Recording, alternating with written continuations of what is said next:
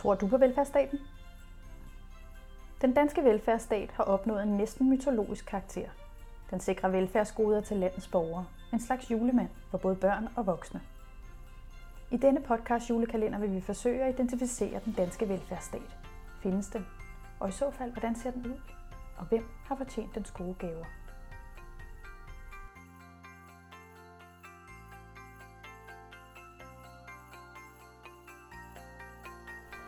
I dag taler vi med Rasmus Willi, som er sociolog og forsker ved Institut for Samfundsvidenskab og Erhverv på Roskilde Universitetscenter. Rasmus har forsket i konsekvenserne af velfærdsstatens udvikling hen imod en konkurrencestat, og hvordan denne bevægelse har betydning for både klima og bæredygtighed. Og så er han medstifter af foreningen Andelsgård.dk, som er en forening, der tilstræber at koble bæredygtighed og nye sociale fællesskaber. Velkommen til, Rasmus. Tak skal du have. Hvordan ser det ud? Tror du stadig på den danske velfærdsstat? Ja, det, det gør jeg i den forstand, at jeg tror på mange elementer øh, i den. Øh, et særligt sikkerhedssystem, øh, øh, øh dagpengesystemet, kontanthjælpssystemer og, og pensionssystemer. Men, øh, men jeg vil sige, som forsker, så er jeg nok mere af, af den overbevisning, at vi, øh, at vi har været beboere i en konkurrencestat de sidste ja, 10-15 år, og at velfærdsstaten sådan set, som mange har bemærket, øh, hvis, hvis man skulle være pessimist, så kunne man sige, er under afvikling, eller i hvert fald, at den ændrer sig øh, radikalt.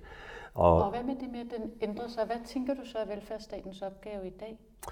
Jamen, den er sådan set øh, det er de samme opgaver, den står overfor, men den, øh, den bliver målt og vejet et omfang, hvor at alle måleinstrumenterne, akkrediteringer, standarder, procedurer og key point indicators, altså når man sine mål hele tiden, og med hvilke midler når dem. Altså det er akkrediteringer, akkrediteringer, akkrediteringer, det fortsætter ligesom, at det nærmest er blevet en kerneydelse i sig selv. Altså det er egentlig legitime krav til, altså hvad får vi egentlig for penge, men vi, vi bruger så mange ressourcer på det, øh, at vi faktisk har sat vores skal man sige, øh, beboere og borgere til at konkurrere mod hinanden og måle og veje dem, hvorvidt de egentlig yder deres bedste hele tiden. Så jeg tror, det store skifte har været i, at en velfærdsstat beskyttede sine borgere mod fare, det berømte sikkerhedsnet, og at en konkurrencestat udsætter sine borgere for en lille smule fare ved at, at gøre dem til altså, langt mere konkurrencepræget. Og begge statsformer har altid øh, nogle rangsider og, og noget positivt. Velfærdsstaten producerede også klientelisme og afhængighed, og, øh, og konkurrencestaten producerer øh, stress og social angst og Øh, spørgsmål om, slår jeg nu? Jeg slår aldrig rigtigt til. Og øh, det, der er for mig at se det store dilemma, det er, at, øh, at øh, begge øh, statsformer øh, jo egentlig ikke står mål med klima- og biodiversitetskrisen. Altså vi har behov for en bæredygtig stat, og vi, vi ved ikke, hvordan den skal indrettes, men, men vi ved, at de to statsformer skal indgå kompromis eller blive til noget tredje for at øh, komme i mål. Og noget af det, som øh, den hvad skal man sige, traditionelle skandinaviske velfærdsstat øh, har været kritiseret for i en moderne tid, det er, at vi jo har en øget globalisering, og man kan sige, at en universel velfærdsstat, mm. den kræver en stærk nationalstat. Og det vi taler om, at der skulle konkurrencestaten være en svar på globaliseringen. Mm. Men noget af det, man, øh, når du snakker om klima, det tænker jeg, at der, det kan netop ikke løses i nationalt, det er mere globalt. Tænker du, at øh, en velfærdsstat har en ny opgave i forhold til løsningen af de her klimaproblemer? Øh, ja, jeg vil nok øh, antaste hvad skal man sige, formuleringen om, at det er nogle problemer, der skal løses globalt. Og det, det har vi som en særlig, og det er jo fuldstændig rigtigt, men det har også den effekt, når vi siger, Altså vi kan starte på, hvad skulle lille jeg dog kunne gøre, eller hvad skulle lille Danmark dog kunne gøre. Det er bedst, når politikerne gør noget ved den der med den der klimakrise, men allerbedst, hvis det var de europæiske. Endnu bedre, hvis det var amerikanerne, og allerbedst, hvis det var kineserne, altså helt globalt. Og det vil sige, det vi egentlig lige har gjort nu, det er, at vi har fundet en undskyldning for, at globale forandringer ikke skulle starte lokalt. Og det skal de. De skal starte på begge niveauer. Og der har, både om man så er tilhænger eller tror på en velfærdsstat, konkurrencestat eller bæredygtighedsstat, så, så skal de statsformer at finde en vej ind i at gøre en, en markant lokal forskel, øh, så man ikke skyder problemet fra sig hele tiden. Så det eller bringer mig til det næste spørgsmål. Hvad tænker du er velfærdsstatens største udfordringer i 2020? Største udfordringer? Jamen, øh, vi, et, nogle gange øh, så spørger jeg mine studerende, hvad, hvad, hvad mener I er det højeste strukturerende princip? Altså, og hvis man nu siger, at velfærdsstaten er det, eller skal, øh, Øh, skal klare sådan en udfordring, så må vi sige, at førhen der vil vi sige, at øh, det var demokratiet, der ligesom var det højeste strukturerende princip for, hvordan vi indretter os, eller nogen vil måske sige, øh, det er kapitalismen eller sådan noget. Øh, men i dag der, der er det simpelthen øh, klima dagsordenen og, øh, og biodiversitetsdagsordenen. Altså det er jo ubærligt faktum, at vi mister øh, dyre og plantearter hver eneste dag.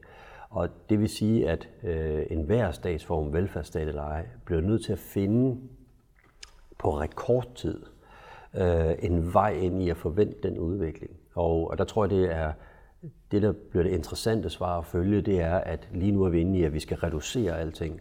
Men i princippet så skal vi bare lade naturen vokse. Altså vi, der er noget, vi faktisk skal gøre større, øh, og, og vi skal blive større med den natur og kende den. Og det, så der er egentlig, øhm, øh, jeg tror på en måde, at vi allerede har taget debatten, og vi er bekymrede, øh, og skal være bekymrede, men at vi nu snart vil gå i gang med hvad man siger, mange øh, tiltag, hvor man siger, at nu gør jeg det her konkret, og det gør jeg sammen med en masse andre mennesker, eller jeg gør det alene, hvad man nu er til.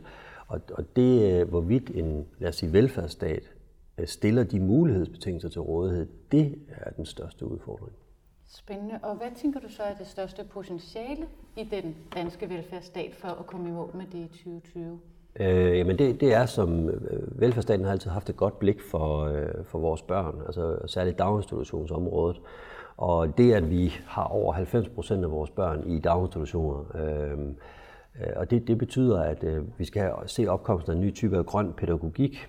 Øh, og grund til, at jeg har selv forsker også i daginstitutioner og, og arbejdsvilkår der, det, det er fordi, at, at øh, det, det her, man kan lave, her får vi alle lige gode forældre, lige dårlige forældre, pædagogerne, og det betyder sådan set, at der er en mulighed for et markant løft af ikke privilegerede børn, og privilegerede børn forbliver privilegerede i den institution. Så det er en af de, kunne man næsten sige, jeg ved ikke, om jeg tager munden for fuld nu, men det er næsten en af de få øh, win-win-situationer, vi har.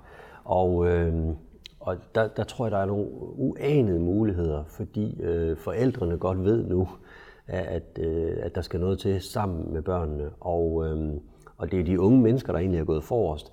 Det er forældrene, der halder bagefter, og, og øh, så, så de skal faktisk til at lære af en yngre generation, og de skal kunne svare den generation. Selvfølgelig er mor og far med i den Danske Naturfredningsforening, eller har givet bidrag til, til den Danske Naturfond, eller blevet medlem af Andelsgård, eller hvad man nu kan, øh, fordi øh, øh, det er det, man gør som forældre, og det er det, man gør som stat, det er det, man gør som civilsamfund, det er det, man gør som markedsaktør. Og hvis vi gør det, bare nogen af os, så vender den udvikling ekstremt hurtigt. Så med far for at lyde lidt plat, nu er julen, det er jo typisk også familiens tid, så ja. der er nu måske nogen, der er blevet inspireret til at kunne bruge de stille juledage til at få talt om, hvordan man som familie kan gøre noget for klimaet og velfærden. Ja. Tusind tak, fordi du delte dine tanker ja. med os, og glædelig velfærd. Tak skal du have.